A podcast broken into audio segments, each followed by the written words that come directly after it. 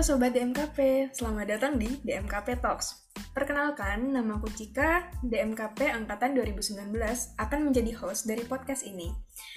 Tapi kayaknya bakalan lebih seru kalau misalnya aku rame-rame sama teman aku. Mungkin teman-teman aku bisa kenalan dulu nih, ada siapa di sana? Halo.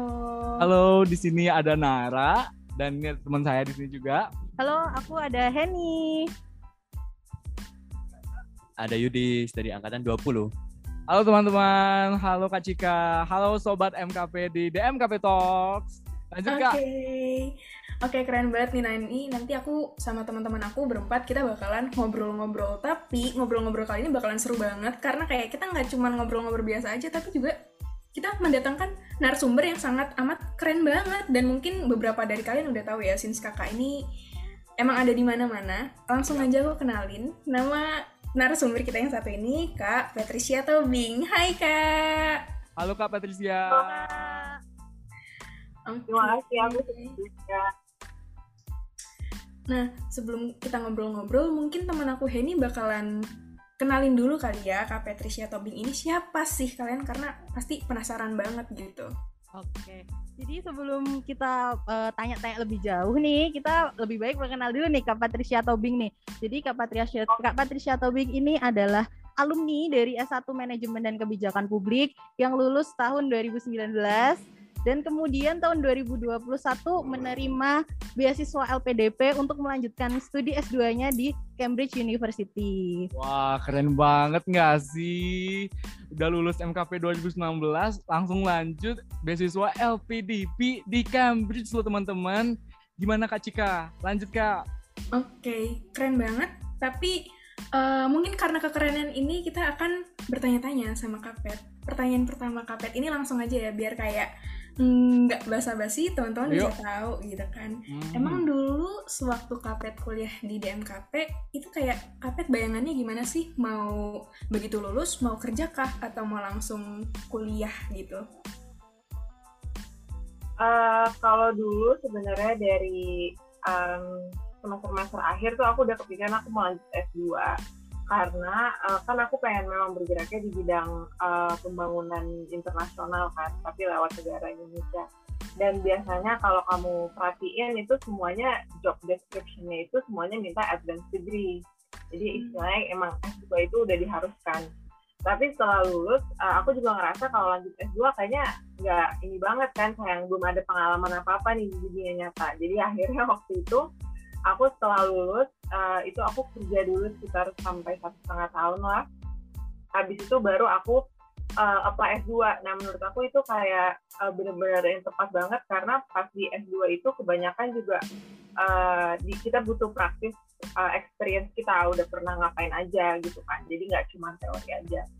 Jadi itu sih karena aku ngerasa eh, jalan yang mau aku pilih nih butuh advanced degree karena kan kayak nggak semua karir butuh advanced degree kan Eh, ini kak, aku mau nanya kenapa sewaktu kuliah atau kayak eh, memang pas kak Cia itu mutusin untuk kuliah itu alasannya kenapa sih mau ambil S2 kak? Eh, alasannya yang tadi itu karena aku ngerasa emang eh, butuh advanced degree tapi eh, dari MKP sendiri itu aku ngerasanya em, kita tahu banyak hal tapi nggak terlalu dalam jadi kayak kita cuma tahu istilahnya yang kayak atasnya aja tapi makanya aku butuh Ya. sesuatu yang kayak bener ya Betul banget, betul banget. Nah, jadi kita tahu nih ngomongin ekonomi, eh, politik, semuanya kita ngerti. Cuman kayak buat tahu lebih dalamnya itu eh, kurang. Jadi aku ngerasa butuh suatu studi khusus lah yang aku pilih untuk aku bisa memilih satu bidang yang memang aku pengen mendalami di bidang itu.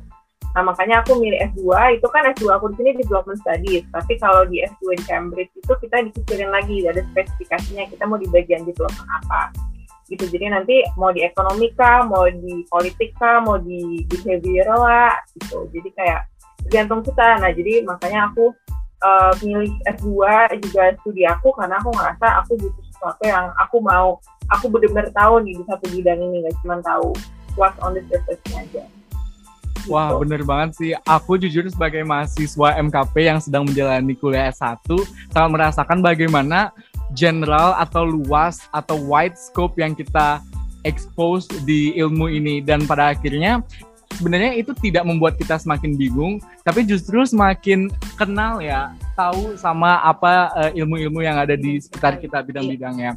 Dan nantilah pada saat kita lulus atau saat kita mau kuliah uh, menjalani tugas akhir, di situlah kita harus punya keberanian untuk memilih satu topik atau bidang tertentu yang seperti Kak Cia tadi memilih international development yang keren banget sampai kakak lanjut di Cambridge. Mungkin aku pengen penasaran uh, tentang bidang yang kakak pilih ini ya kak. Kenapa kakak tertarik sama bidang international development? Oh iya kak, sama kenapa di Cambridge? Oke, jadi aku jawabnya yang Cambridge dulu kali ya, karena ini mungkin uh, akan mirip jawabannya. Uh, jadi sebenarnya development studies uh, untuk uh, studi pembangunan itu banyak banget, hampir di semua universitas ada.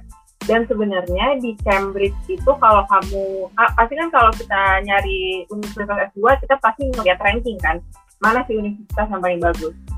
Nah, uh, di Cambridge itu sebenarnya di development studies itu nggak di ranking satu. Development studies itu kalau nggak salah development studiesnya Cambridge itu ranking 4 atau 5 aku lupa. Tapi nomor satunya itu di Sussex. Nah, uh, tapi yang menurut aku penting juga kita nggak ngeliat cuma dari angkanya aja kan, dari hasilnya. Tapi apa yang membuat mereka bisa nomor satu, apa yang bisa buat nomor lima, dan mana modul yang paling cocok sama kita.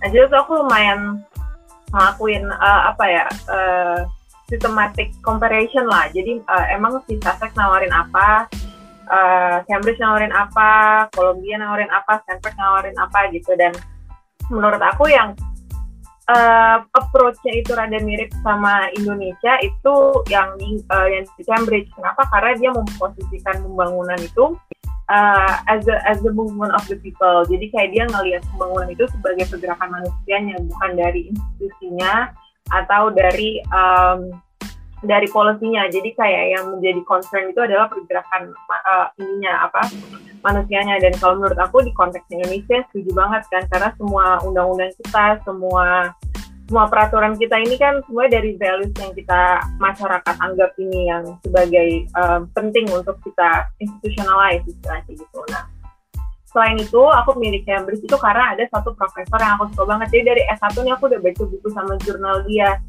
Namanya uh, Profesor Hajin Chang. Dia tuh orang uh, South Korea tapi dia udah kayak born and raised di sini.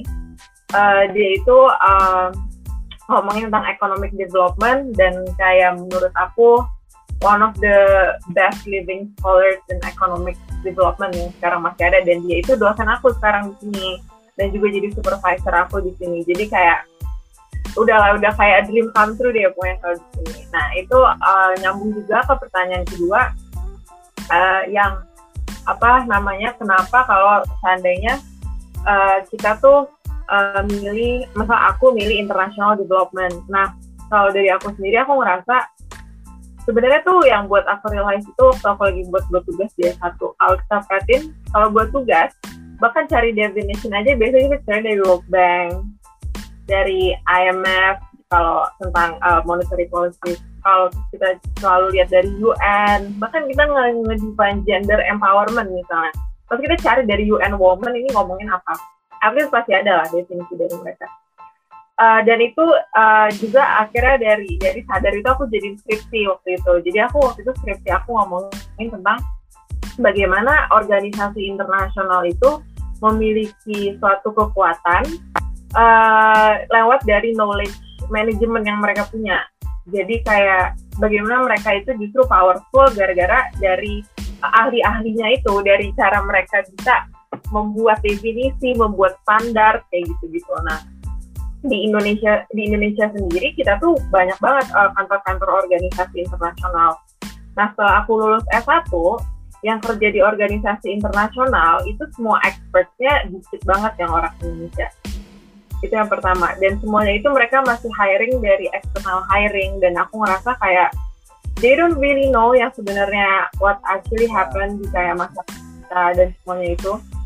Jadi aku ngerasa kayak uh, dari kacamata uh, pembangunan internasional tuh kita bisa masuk ke berbagai macam bidang kan jadi dari situ aku ngerasa aku milih itu karena aku ngerasa itu impactnya besar banget dan kita secara unconsciously kita uh, pasti nyari sesuatu tentang knowledge itu ke mereka-mereka juga dan kita nggak mau lah kayak kayak definition kita di define by by only certain group kan. Jadi cuman kayak dari uh, secara keseluruhan gitu gitu sih maaf ya kepanjangan jawabannya nggak apa-apa kak kita se- sekarang tuh bisa tahu ya gimana motivasi sense of purpose dan perjalanan kakak Betul, betul. betul. ya untuk bisa mengenal kayak memilih um, international development studies of development not only because Cambridge and the Cambridge is one of the top universities in the world. Because tapi karena juga kakak melakukan riset and riset riset melihat sebenarnya uh, development studies itu ada banyak di universitas-universitas dan melakukan komparasi. Sampai akhirnya pun juga harus melihat dosen-dosennya siapa yang kakak tertarik dosennya membaca buku dosennya. Jadi hal-hal kecil itu, perlu ya untuk Iya, dari dosen, kemudian riset, kemudian Iya. univ dan pro di mata kuliah gitu.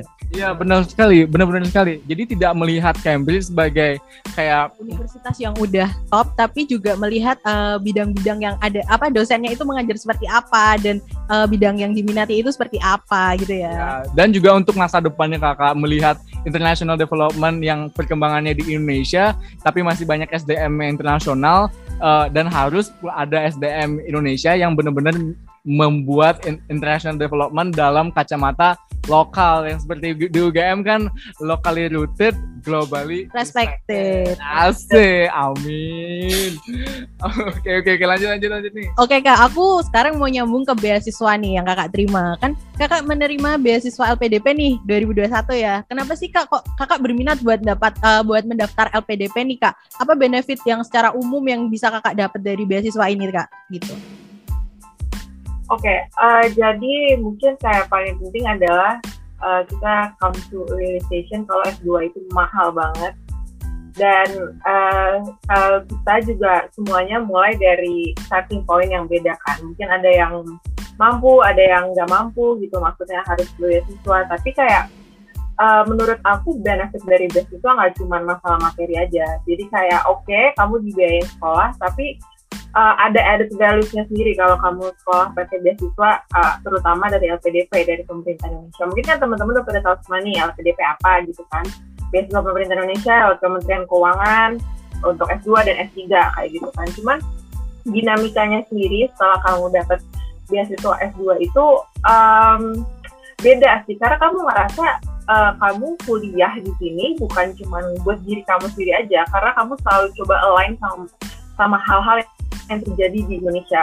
Dan itu mendukung ke studi kamu juga. Jadi yang kayak uh, ngeliat ngeliat uh, beasiswa itu bukan sebagai pemenuh materi kamu untuk S2 tapi sebagai cara untuk kamu buat values baru dari tujuan kamu sekolah sendiri. Karena kan kalau di beasiswa S2 LPDP itu kan yang aku dapat ini kita diwajibkan kembali ke Indonesia kan setelah selesai studi dan membuat kontribusi.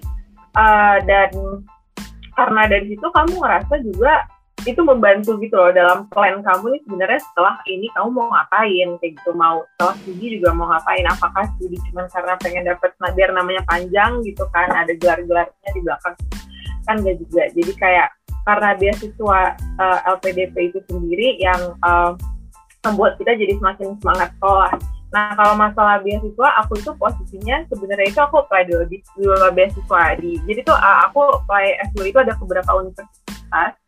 Uh, I'm not gonna mention the name karena kayak nggak, udah nggak relevan sekarang. Cuman waktu itu aku di apply di Cambridge itu ada dua beasiswa, beasiswa Gates sama beasiswa LPDP. Nah, uh, cuman Gates itu memang lebih banyak diperuntukkan untuk S3. Jadi uh, waktu itu posisinya aku lumayan gambling karena uh, aku waktu itu posisinya udah dapet diterima Cambridge dulu, tapi LPDP itu mepet banget bukannya. Jadi aku itu uh, sempet sama papa mamaku udah kayak udahlah sekolah aja nggak apa-apa uh, orang tua aku akan bayarin gitu. Tapi at that point aku ngerasa uh, beasiswa uh, sorry S2 itu sekali lagi bukan sesuatu keharusan kan. Jadi kayak kita masih bisa ngelakuin kapan aja dan aku ngerasa it's not worth it kalau seandainya aku juga uh, maksain itu jadi kayak aku mikir ya udah bakal ada another time. Terus tiba-tiba LPDP setelah covid tutup satu tahun jadi tiba-tiba LPDP buka kan. Buka pendaftaran. Terus ya udah daftar ini ini ini, ini itu terus akhirnya dapat eh, ya udah akhirnya berangkat pakai beasiswa LPDP gitu. Dan enaknya LPDP kan semua di cover kayak dari eh, uang pendaftaran, uang keberangkatan, visa, uang sekolah, uang saku kayak gitu. Jadi ya selain tadi aku bilang dari masalah materi juga LPDP sendiri pas kamu menerima beasiswa kita juga memberikan satu tujuan baru lah dari studi kamu dan juga setelah kamu studi kayak gitu. Oke, jadi eh, benefit-benefit yang didapetin dari beasiswa LPDP itu sangat menarik sekali ya kak ya.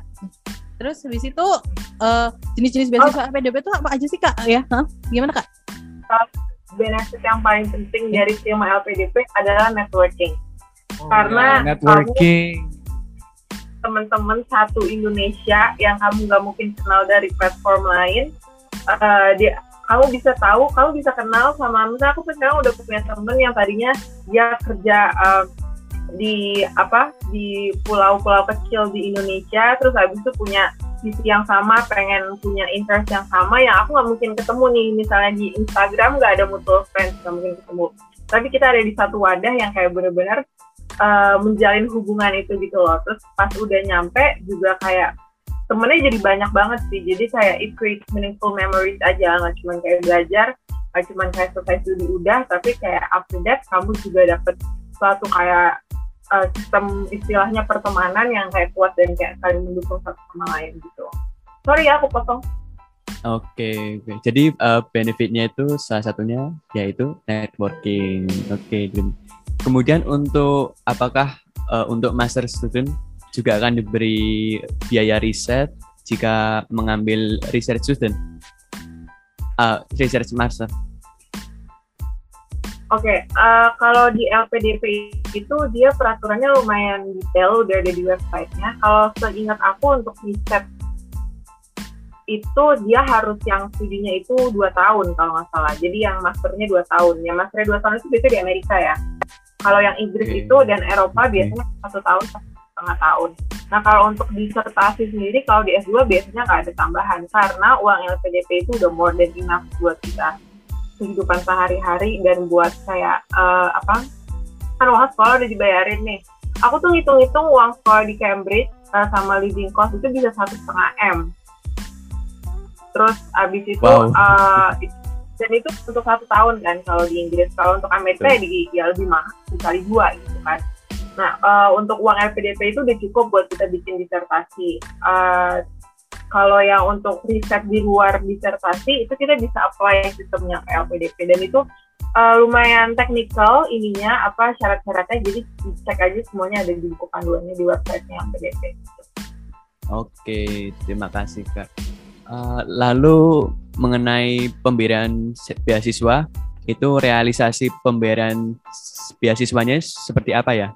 Eh, apakah mudah atau tuh mempersulit awardee atau bagaimana? Oh iya kak, aku sekalian mau nanya juga, kalau misalnya Kak Cia itu dapetnya beasiswa yang jenis apa ya apply-nya kemarin? Soalnya setahu aku beasiswa LPDP itu kan mungkin banyak banget kan kak jenisnya. Oke, jadi mudah-mudahan waktu podcast ini dikeluarin LPDP masih buka nih, karena LPDP itu lagi buka pendaftaran sekarang kan.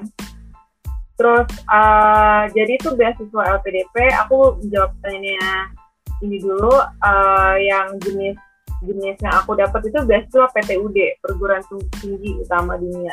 Jadi kalau beasiswa S2 luar negeri, sebenarnya kan uh, LPDP itu bisa luar negeri, bisa dalam negeri ya. Uh, jadi habis itu dibagi nanti ada yang reguler, ada yang uh, perguruan tinggi utama dunia, terus ada yang uh, afirmasi, ada target, nah itu semua ada di websitenya. Tapi yang aku dapat itu perguruan tinggi utama dunia. Nah yang bikin beda adalah kalau perguruan tinggi utama dunia itu nggak semua universitas. Jadi waktu aku apply itu cuma 15 universitas terbaik dunia. Nah, uh, salah satunya Cambridge di situ kan. Dan posisinya kalau kita apply lewat jalur PTUD, itu kita udah harus terima LOA, unconditional. Jadi kita udah dinyatakan diterima dulu sama Cambridge. Sementara kalau yang regu- reguler, kita masih bisa uh, baru ngasih tiga pilihan. Jadi kita belum belum punya LOA, belum diterima. Jadi kita habis dinyatakan, kita dapat beasiswanya dulu, baru dapat universitasnya. Nah bedanya kalau PTUD itu yang aku harus uh, udah punya LOA itu aja yang paling bedanya sih sebenarnya menurut aku yang sangat signifikan. Berarti kan kalau kita mau daftar yang PTUD udah harus di prepare dari sebelum LPDP itu buka kan. karena waktu LPDP pendaftarannya buka itu udah harus udah harus uh, punya LOA. Nah untuk realisasinya uh, masalah ini maksudnya realisasi secara finansial ya pembayaran Kak. pembayaran Betul, Kak. uh, one thing yang bisa aku make sure adalah LPDP itu kerja cepet banget buat masalah finansial. Pas aku kuliah itu uh, mereka langsung minta invoice ke universitasnya untuk pembayaran kuliah, uh, tuition fee-nya. Jadi waktu itu posisinya aku langsung email Cambridge, uh, dia minta dia minta aku minta invoice, invoice dikirim ke aku, aku kirim ke kantor LPDP, terus within a week udah dibayar langsung sama LPDP uh, uang sekolah aku buat satu. Terus kalau sistem sistem uh, pembayaran kan ada ini juga nih kan banyak nih pembayaran ada visa gitu-gitu. Uh, ini juga one thing to note. Uh, kalau waktu kemarin aku itu untuk bayar visa sama asuransi uh, itu aku sistemnya sama LPDP reimburse. Jadi uh, juga uh, kamu misalnya kalau apply dan dinyatakan diterima juga istilahnya ada savings juga untuk yang bisa ngeduluin uangnya. Karena kalau visa sama uh, asuransi itu dia lumayan cepat mintanya jadi na- tapi pasti reimburse sama LPDP jadi kamu harus bayar dulu terus nanti reimburse sama LPDP terus setelah kamu berangkat uh, itu sistem pembayaran istilah uang jajannya itu per tiga bulan. Jadi ada yang namanya Simonef. Uh, jadi itu adalah sistem monitoring evaluasi singkatannya punya LPDP. Jadi setelah kamu dinyatakan lulus di menerima beasiswa, kamu akan dapat tahun Simonef itu di situ per tiga bulan kamu harus nulis uh, laporan akademik. Kamu ngapain aja tiga bulan ini? Rencana kamu apa? Nilai kamu berapa? Gitu gitu gitu. Kalau sudah dinyatakan lengkap baru dikirim istilahnya uang saku uang saku per tiga bulan. Jadi langsung dikirim tiga bulan untuk ke depan. Nah jadi ini juga another uh, lesson juga buat money management di sini. Gara-gara kan langsung dikasihnya in bulk kan per tiga bulan jadi kamu harus bisa manage uh, sebulan ini berapa bulan ini berapa dan juga kan uh, uang saku itu sudah termasuk sama uh, uang tempat tinggal jadi uang tempat tinggal sama uang makan lah istilahnya gitu. Berarti eh, sebenarnya kalau misalnya ditanyain mempersulit atau mempermudah itu kayak jatuhnya ya di tengah-tengah gitu ya kak. Karena kan kayak tadi yang kak Cia udah bilang kalau misalnya kayak eh, ada nih laporan tiga bulan dan tap- tapi ketika kita udah ngasih tahu kita bakal ngapain aja, yang dananya tuh turunnya juga cepet gitu kan. Berarti kan kayak ya emang sama-sama apa ya mutualisme kali ya kita bisa bilangnya gitu. Nah, ya karena uh, yang aku rasa juga kayak mereka tuh tahu kita juga kuliah jauh dari rumah dan mereka nggak transfer uang tuh nggak telat jadi kayak mereka tahu kayak kalau kita butuh uangnya buat bayar rumah buat bayar keperluan sehari-hari gitu kan jadi aku rasa dalam bidang realisasi pembayaran itu LPDP sangat memfasilitasi sih kayak kita nggak disusahin lah jadi kayak dan mereka juga customer service juga cepet kalau ada masalah Oke kak, thanks banget nih. Ini agak uh, special thanks juga nggak sih buat LPDP ya? Siapa tahu Ya, kan? shout siapa out to. LPDP. Oke, benar-benar tanya ke despite of everything masalah pendidikan ada LPDP dan ada kayak eh, begitu banyak program dan kesempatan yang dikasih buat kita dibayarin sekolah kayak menurut aku itu sesuatu yang sangat harus kita apresiasi sih. Nah, Kak, ini berhubung eh, udah open registrasi nih untuk LPDP gitu kan. Dan terus kita pasti bertanya-tanya caranya gimana gitu. Nah, mungkin Kak Cia bisa jelasin nggak sih kayak proses administratif itu mungkin lebih ke yang hal-hal sifatnya primer aja kali ya Kak. Mungkin kalau salah satu yang tadi udah Kak Cia jelasin kan kayak butuh surat dari universitas gitu kan. Terus habis itu proses substantifnya kayak gimana? Kayak tes-tesnya tuh eh, tes apa aja? Mungkin apakah perlu disiapin, eh maksudnya apa aja yang perlu disiapin dari jangka panjang sampai jangka pendeknya, terus mungkin juga bisa digambarin sewaktu kemarin wawancara kayak gimana, dan mungkin nanti bisa dikasih tahu kak tips-tips jawab wawancara gitu.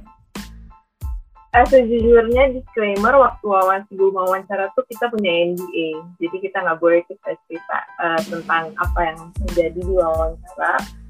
Eh, cuman mungkin aku bisa kayak kasih tips yang kayak dari pengalaman personal aja.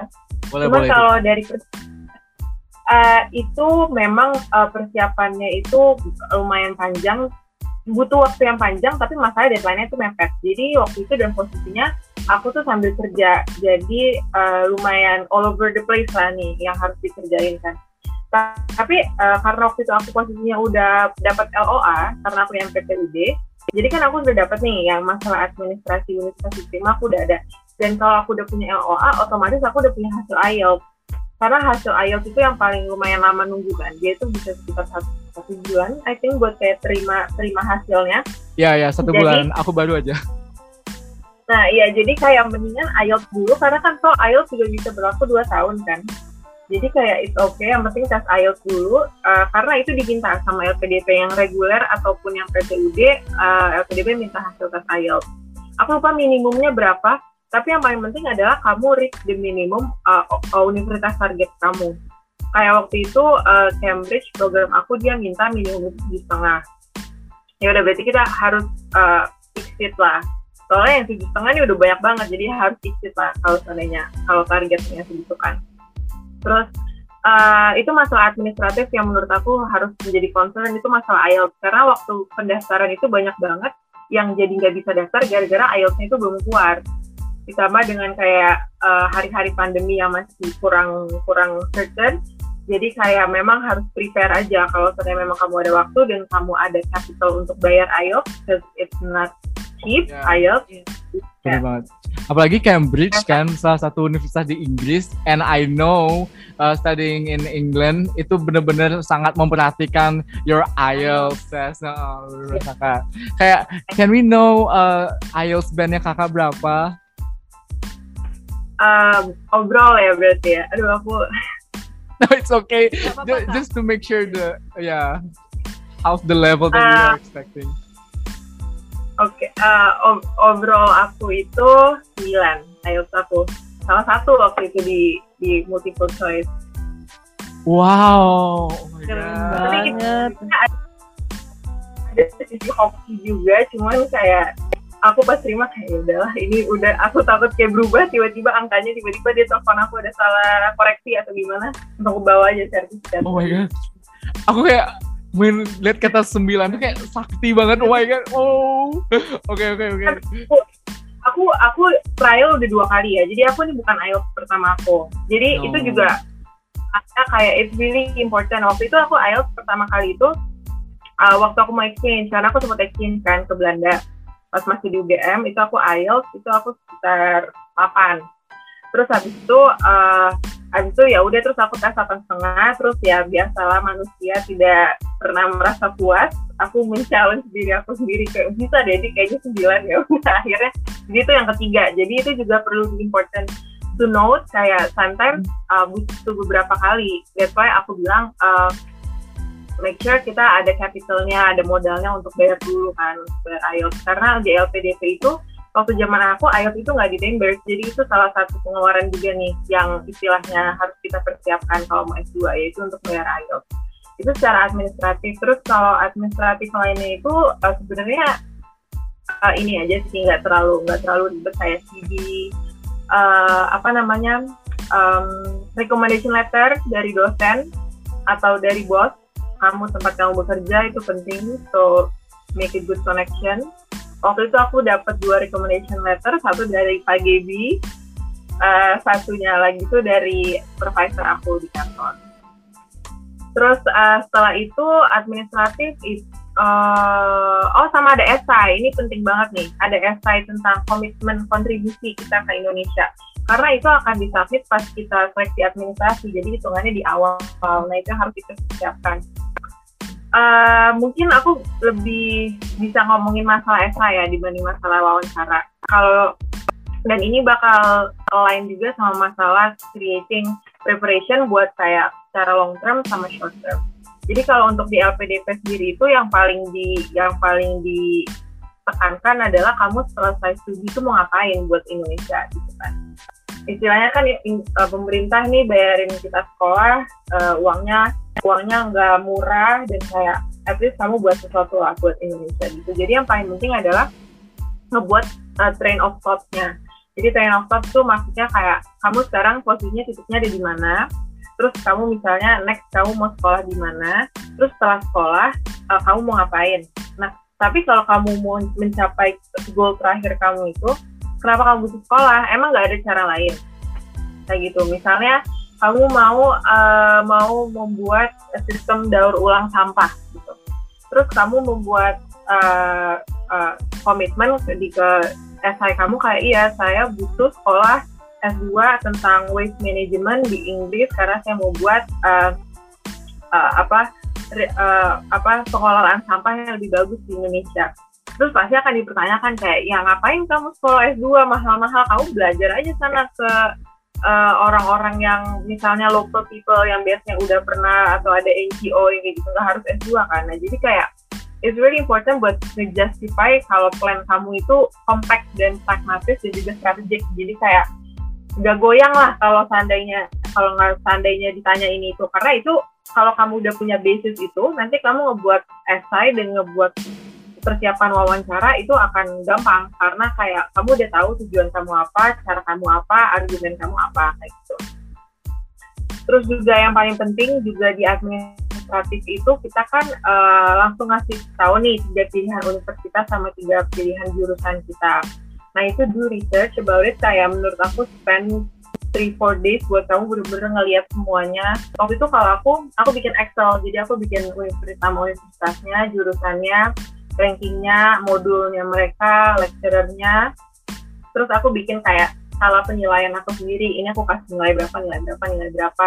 Terus ada disclaimernya enggak, terus uh, ininya apa, ininya apa. Karena itu penting juga kayak tadi aku bilang, uh, sometimes yang nomor satu, ranking nomor satu itu doesn't mean the best for you.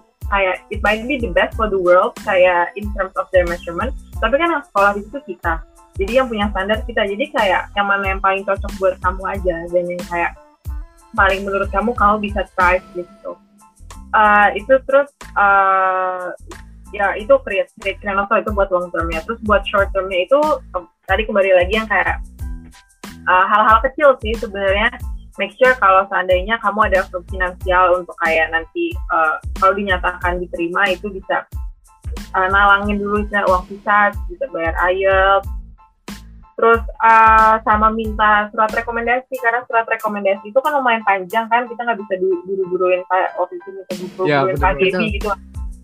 Minta apa besok tolong kirim gitu kan nggak mungkin kan ada di blog kan gitu. shout out buat terus, Pak Gebi ya untuk Pak oh Pak Gebi udah aku terima kasih terima kasih sembah sembah deh udah membantu aku semua Oke kak, buat kan pasti setiap ngurusin beasiswa gitu ya kak, uh, ada tantangan hambatan nih. Kayak selain surat rekomendasi yang mungkin agak susah gitu ya minta ke dosen gitu, itu ada tantangan lain gak sih kak? Atau tantangan dan hambatan lainnya? Dan kalau misalnya ada tuh uh, cara menyelesaikannya itu gimana ya cara kak Cia untuk menghadapi tantangan tersebut gitu kak? Uh, kalau waktu aku ini kan aku uh, bicara dari pengalaman aku ya waktu aku uh, posisinya itu aku kayak aku bilang aku sambil kerja. Jadi itu lumayan uh, demanding.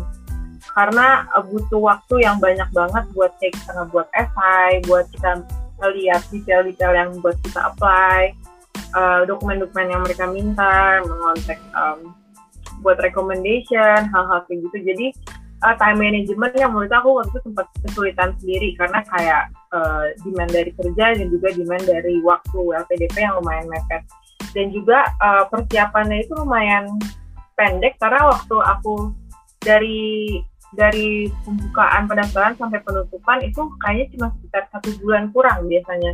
Jadi dalam satu bulan itu kamu udah harus dapat esai, dapat surat rekomendasi, dapat IELTS nilai kamu udah keluar, uh, dan juga udah dapat LOA kalau untuk yang PPUD atau yang reguler yang reguler uh, jalur pilihan atau yang jalur tiga jalur LOA. Jadi uh, itu sih menurut aku waktu itu time management bener-bener aku kesulitan sendiri dan mungkin masalah esai nih. Masalah esai itu aku sekarang karena lagi buka LPDP nih aku sering banget di dapat konteks orang-orang minta pendapat esai pendapat esainya ya, baca esainya esai is very crucial ya um, menurut aku kalau menurut aku sendiri ya kalau essay uh, it should be about you. Karena kalau seandainya kita biasanya nanya ke orang biasanya tuh selalu ada tendency buat bias. Dan bias yang kayak menurut jadi misalnya aku misalnya uh, baca esainya Henny nih. Terus kan aku nggak terlalu kenal Henny misalnya. Terus menurut aku kayaknya ini nggak cocok deh Hen kamu tulis kayak gini. Tapi menurut Henny itu yang paling penting di diri kamu. Tapi cara kamu dapet feedback itu kamu either kamu jadi insecure atau kedua kayak kamu yaudah deh hapus aja deh kata orang nggak bagus kayak gitu. Jadi kayak my trick dan tips adalah kalau kamu write an essay ya paling penting adalah it should be about you. Tapi kalau sebenarnya kamu emang mau butuh feedback feedbacknya itu bukan tentang kontennya tapi tentang strukturnya aja. Apakah kamu udah jelas penyampaiannya udah concise nggak repetitif? Itu aja sih yang paling penting. Tapi kalau untuk masalah konten uh, menurut aku itu yang harus uh, dari diri kamu sendiri. Karena kamu mau buat itu seoriginal mungkin kan. Dan kamu beneran kayak ngomong tentang diri kamu gitu bukan tentang orang lain gitu. sorry terus masalah wawancara. Wawancara um, wawancara is fine kalau seandainya kamu udah punya long term planning yang tadi aku bilang masalah uh, goals kamu apa justifikasi kamu sekolah apa. Uh, dan saya jangan ngira kayak mereka tuh bakal kayak nge-attack kamu gitu kayak apa yang kamu sekolah kayak gitu gitu enggak. Mereka tuh cuma pengen tahu kamu sebenarnya udah tahu belum kamu mau ngapain modul yang kamu pelajarin apa. Terus mereka cuma tanya aja kayak kamu as a person rencana kamu apa bagaimana kamu time management kayak gitu, gitu. jadi kayak uh, kalau seandainya memang kamu udah apa ya istilah udah uh, ma udah matang gitu sama plan kamu buat sekolah lanjut S2 justifikasinya sudah rasional sudah visible should be fine sih menurut aku Oke, itu mungkin tantangan dan hambatan ya yang bisa kita pelajari. Oke, dan mungkin terakhir Kak, uh, ada nggak uh, pesan bagi mahasiswa MKP, terutama untuk teman-teman kita yang mau ngambil gelar S2 dan ngambil beasiswa LDP? Oke, okay, kalau menurut aku, uh, aku tuh kadang kalau mau ngasih saran tuh kesannya kayak aku udah banget gitu, padahal nggak juga kan. Jadi kayak masih work in progress. Cuma mungkin yang bisa kayak uh, aku kasih adalah um, yang paling penting itu aku juga ingat banget waktu itu aku diajarin sama Pak Jadi untuk hubungan kausalitas. Jadi misalnya kalau kamu mau nyampe A, terus kamu bilang jalannya itu B. Nah kamu harus bilang ngasih justifikasi kenapa harus B kenapa nggak cek kenapa nggak D dan juga kenapa B itu yang paling bagus dan yang paling mungkin kita lakukan. Dengan punya konsep kayak gitu kamu tarik dalam create long term planning kamu itu akan menjawab semuanya. Jadi kamu bisa ngelihat uh, kamu sebenarnya pengen apa terus kenapa kamu butuh sekolah kenapa kamu butuh studi. Kalau kamu udah bikin mind map itu menurut aku itu ngebantu semuanya. Dan kita harus membuat sesuatu yang rasional dan justifiable kalau memang itu sebenarnya yang uh, kita pilih gitu. Jurusannya lah universitasnya lah uh, waktunya timing lah kenapa kamu baru lulus misalnya langsung S2 kenapa nggak kerja dulu lima tahun misalnya kayak gitu. Terus mungkin yang kedua sama PD aja kali ya. Jadi kayak kadang tuh kan kita suka kayak aduh bagus nih kayaknya aduh IPK gue biasa aja sih sebenarnya. Kayak organisasi juga gitu aja gitu kan gak yang kayak amazing shining gitu kan splendid gitu. Uh, tapi menurut aku pede aja sih karena kayak kita tuh kalau untuk dapat LPDP kita tuh nggak compete sama orang lain kita tuh compete sama diri kita sendiri aja. Jadi kayak how to make ourselves better kayak gimana kita istilahnya uh, masin kalau kita punya something to offer gitu loh buat buat LPDP bisa kasih biaya buat kita kuliah gitu kan. Jadi kayak pikir orang lain pede aja karena uh, kalau dari misalnya dari talk talk LPDP kalau setiap ada pertanyaan sebenarnya ada nggak sih uh, kuota uh, penerima beasiswa LPDP atau ada nggak sih yang namanya jurusan ini lebih dikasih prioritas dibanding jurusan B misalnya jurusan A gitu nah selalu dijawab tuh enggak. Jadi kayak kamu bener-bener dikasih kebebasan buat saya cater uh, interest kamu sendiri keinginan kamu sendiri uh, mimpi kamu sendiri apa tapi asal kamu bisa justify mereka akan gladly to you in gitu loh. Jadi kayak uh, dasar menurut aku pede aja kalau sana emang kamu milih sesuatu dan menurut aku di MKP sekarang nih kan tadi aku sempat bilang nih masalah kita tuh dapetnya semua general istilahnya tahu A B C D E tapi nggak dalam. Nah justru menurut aku ini penting banget buat S1 karena kamu tahu dulu nih semua hal sebenarnya mau pilih mana sih yang paling seru mana yang paling enak gitu kan mana yang paling kamu nggak kayak bosen gitu nyari-nyari research artikelnya gitu kan. Betul banget. Terus iya terus habis itu ambil aja itu terus ya udah kamu lihat aja program yang mendukung itu apa terus karir progresnya apa di depan terus orang-orangnya siapa kayak gitu. Jadi menurut aku ya dua itu yang paling penting. Uh, uh, to justify your argument sama kayak trust yourself aja Wah, keren banget. Kayaknya ini Kak Cia deserve a standing ovation ya. Wait, tepuk tangan dulu dong, Kak. Wuh. Wah, keren banget, keren banget. Kaget, nggak deng. Mantul, mantul, aduh, my god, it's such an inspiration. Setelah aku kayak eh, bahkan bertatap muka di sini maupun secara daring dengan Kak Cia, aku langsung kayak langsung terinspired and motivate gitu loh kayak untuk benar-benar menemukan what's my focus, uh, remember my uh, motivation letter, and kayak mulai PDKT sama dosen buat bikin recommendation letter. Oke, oke, oke, oke. Kak Jika bisa lanjut Kak. Kayak tapi salah satu pesan yang aku benar-benar dapatkan dari segala banyak kayak pesan moral yang diberikan oleh Kak Cia itu adalah sebenarnya uh, looking for LPDP and uh, trying to go to S2 itu sebenarnya menanyakan kembali kita itu maunya apa dan it's a process of kayak um, refleksi kita tuh mau ke mana sih dan abis kita ke S2 itu kita mau ngapain gitu. Iya, Jadi kayak kita tuh um, the main question is who are you atau who am I gitu and uh, know thyself itu karena memang menemukan diri sendiri adalah jalan utama untuk bertemu kesuksesan dan kesejahteraan. Asik. Oke oke oke. Kak Cika gimana lanjut Kak? Oke. Ini eh, tadi kalimat-kalimat kerennya udah disampaikan sama Nara nih dan juga teman-teman gitu. Maksudnya aku juga eh, merasa gimana ya? Karena kan sama teman-teman ini beda satu tahun ya kak. Kita kayak aku angkatan 2019, teman-teman angkatan 2020 gitu. Nah dengan denger cerita-cerita khususnya tentang pengalaman Kak Cia tadi itu kayak bikin apa ya? Bikin akhirnya yang aku tuh lebih lebih ke apa ya? Maksudnya lebih bisa mempersiapkan diri gitu loh bahwa ketika ya ketika lulus nanti eh, apa sih kayak mungkin mungkin salah satu jalan tuh nggak cuman kerja tapi kayak kita juga bisa ngelanjutin eh, cita-cita gitu. Terus kayak mempertanyakan lagi nih akhirnya mimpi kita apa? Udah cukup gede belum? Apakah dengan yang sekarang tuh udah udah cukup belum untuk untuk chasing our dream gitu?